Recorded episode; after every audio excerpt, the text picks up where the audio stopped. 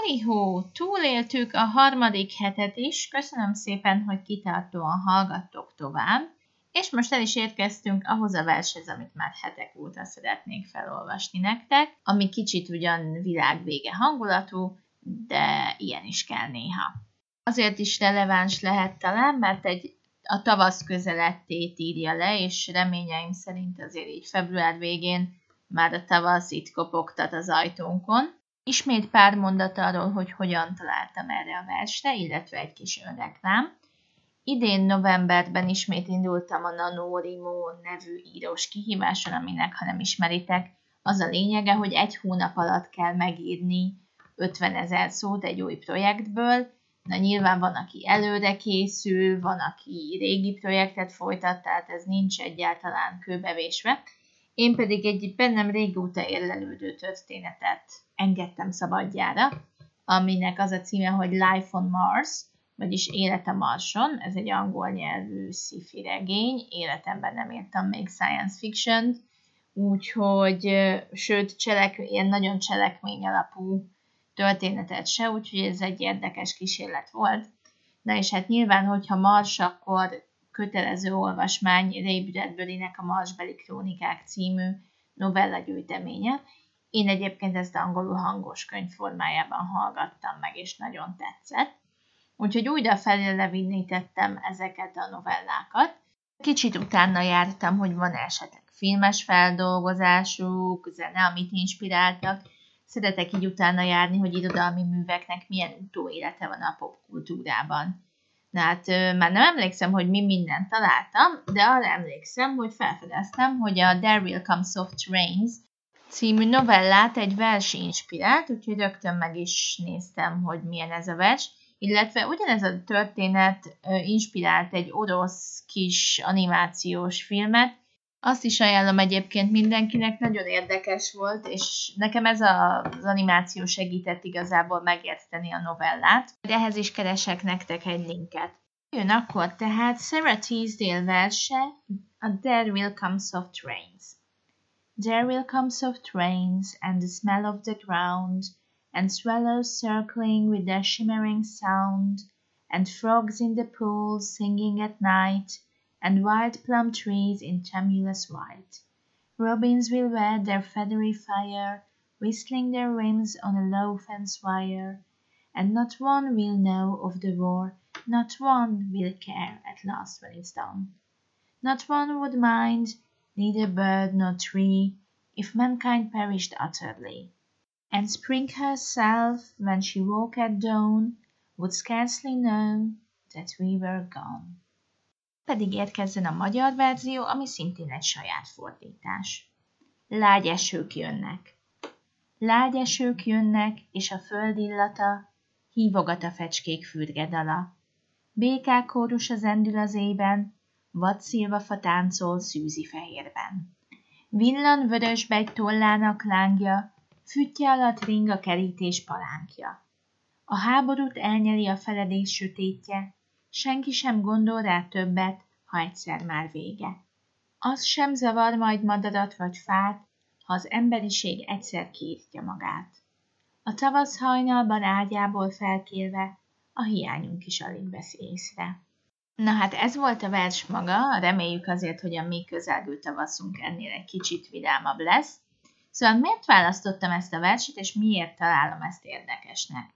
Kezdjük talán azzal, hogy ezt a verset 1918-ban írta a költő, ugye az első világháború vége után. Az első világháborút akkoriban a nagy háborúnak is hívták, hiszen szegények el sem tudták képzelni, hogy milyen borzalmakat tartogat még a 20. század ezután.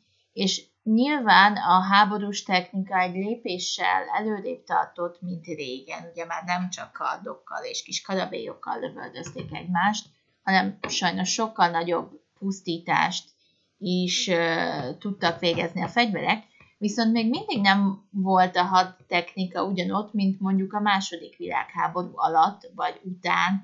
Ugye szó sem volt még atombombákról, hidrogénbombáról, és több ilyen hasonló csodaszép dologról. És mégis ebben a versben arról beszél Sarah Teasdale, hogy ugye az emberiség háború által ki tudná írtani magát. Ami azért elég borzongatóan jövőbe látó lehetőség. Bármilyen lesújtó is a vers vége, számomra van benne valami reménykeltő, valami szép, hiszen a tavasz ébredésével zárja a verset, és benne van az az üzenet, hogy lehet, hogy az emberiség eltűnik, de a világ megy tovább.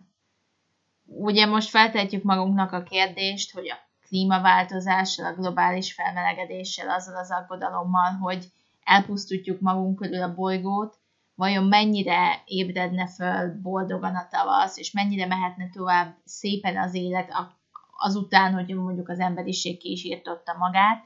Ebbe talán ne is gondoljunk bele, mert elszomorodunk az egész hétvégére, tehát nyilván száz évvel ezelőtt Sarah Teasdale-nek még ezeken a dolgokon nem kellett aggódnia, tehát amellett, hogy egy elég szomorú és lesújtó témát feszeget, mégis sikerül a verset egy pozitív kicsengéssel lezárnia. Arra is szeretném felhívni a figyelmeteket, hogy mennyire szépen oldotta meg azt, hogy a, a végén tavasz megszemélyesítése, akit egy ilyen szép fiatal lánynak képzelünk el, aki felébred a nyoszójájából. Ez az eléggé klasszikus kép, mondjuk az embernek eszébe jutott Flóra, a görög tavasz istennő, tehát ez a klasszikus szép elképzelés egy ilyen bujkáló, disztópikus világvége hangulattal együtt, egymás mellett létezik, és az ebben rejlő feszültség adja meg számomra például a versnek az érdekességét, hogy nem kell leírni szavakkal, meg hosszadalmasan azt, hogy kipusztult az emberiség, vér, végtagok, mutáns szarvasok, biztos el tudtok képzelni még meg ilyen világvégés metaforát, képet, stb. De igazából nincs erre szükség, mert két, két sorban vagy pár szóval el tudja ezt mondani, az sem zavar majd madarat vagy fát, ha az emberiség egyszer kiírtja magát. Igazából ezzel a két sorral elintézte ennek az egésznek a leírását. Ez az utolsó előtti verszak a vers fordulópontja, ezt felvezette az előző kis verszak, a háborút elnyeli a feledés sötétje, senki sem gondol rá többet, ha egyszer már vége. De amikor az olvasó eljut ehhez a háborús verszakhoz, akkor azt gondolhatja, hogy ugyanott vagyunk, mint 1918-ban, vége lett a háborúnak, békét kötöttek, mindenki éli tovább az életét, ahogy tudja. Viszont ez a sor, amiben megemlíti az emberiség kiírtását, kicsit aláássa az előző verszaknak ezt a békés érzetét. Hiszen belegondolunk, hogy lehet, hogy azért nincs már háború, mert egyszerűen nem maradt annyi ember, aki ezt a háborút vívhatná. Bevallom erre a ravasz kis trükkre, csak sokadik olvasás után döbbentem rá, de szerintem ez a versnek az egyik mm, legnagyobb erőssége. Eljutottunk erre a pontra, akkor ez nagyon érdekesen reflektál vissza az előző verszakoknak, ezek, erre a nagyon idilli, békés, tavaszi, nyáresti hangulatára kurutyolnak a békák, csiripelnek a madarak. Hát mi kell nekünk ennél több? Tehát ez maga a tökéletes természeti béke. És ezzel a kis fordulattal a végén ezt az egészet valahogy az ellentetjébe fordítja át a költő. Hasonló hangulatot tükröz egyébként Bradbury hasonló című novellája is. Az arról szól, hogy egy ilyen automatizált házban a ház csinálja a kis dolgait, tehát megsüti a reggeli tojást, fölkelteni az embereket, bekapcsol a rádió, már nem emlékszem pontosan. Lényeg az, hogy a házikó csinálja tovább a maga dolgát, és az olvasás közben olyan fura érzése van az olvasónak, legalábbis bennem ez maradt meg, hogy olyan kényelmetlenül éreztem magam, nem tetszett a novella, és nem értettem igazán, hogy miért zavar ez ennyire.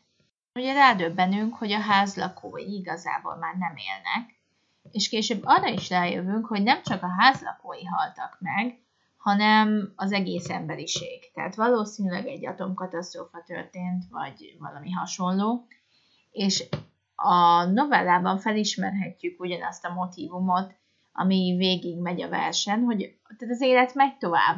Akkor is, hogyha emberek már nincsenek benne. Nyilván egyébként Bradbury novellája egy másik aspektusból foglalkozik ezzel a problémával, amíg a versben a természet éli tovább az életét, sőt egy boldogabb, kiteljesedettebb világról van szó. Itt az ember által tervezett környezet viszi tovább az emberi élet funkcióit, de úgy, hogy maguk az emberek nincsenek bár benne. És ez egyébként Bradbury zsenialitását mutatja, nem gondolom, hogy akkoriban lehetett volna ennyire előre látni, hogy ugye most már van nekünk Alexánk, okos hűtőnk, aki megrendeli a kaját, hogyha kifogy belőle, és a többi, és a többi. Tehát, hogy igazából simán elképzelhető, hogyha az emberiség kihal, Alexa azért lejátszik valami playlistet a Spotify-ról, miközben a hűtő küldi az e-maileket a Tesco-nak, hogy hello, szállítsatok sajtos kifrit, mert kifogytunk belőle. Tudom, hogy a science fictionnek egyáltalán nem célja úgymond a jövőbe látás, hiszen ez egy irodalmi műfaj, és nem médiumok és jósnők játéktere, de érdekes azért elgondolkodni azon, hogy milyen az, amikor az elképzelt jövő és a valóság összefügg. Köszönöm szépen, hogy meghallgattatok, ennyi lett volna mára az univerzum. Legyen szép napotok, és olvassatok sok verset. Sziasztok!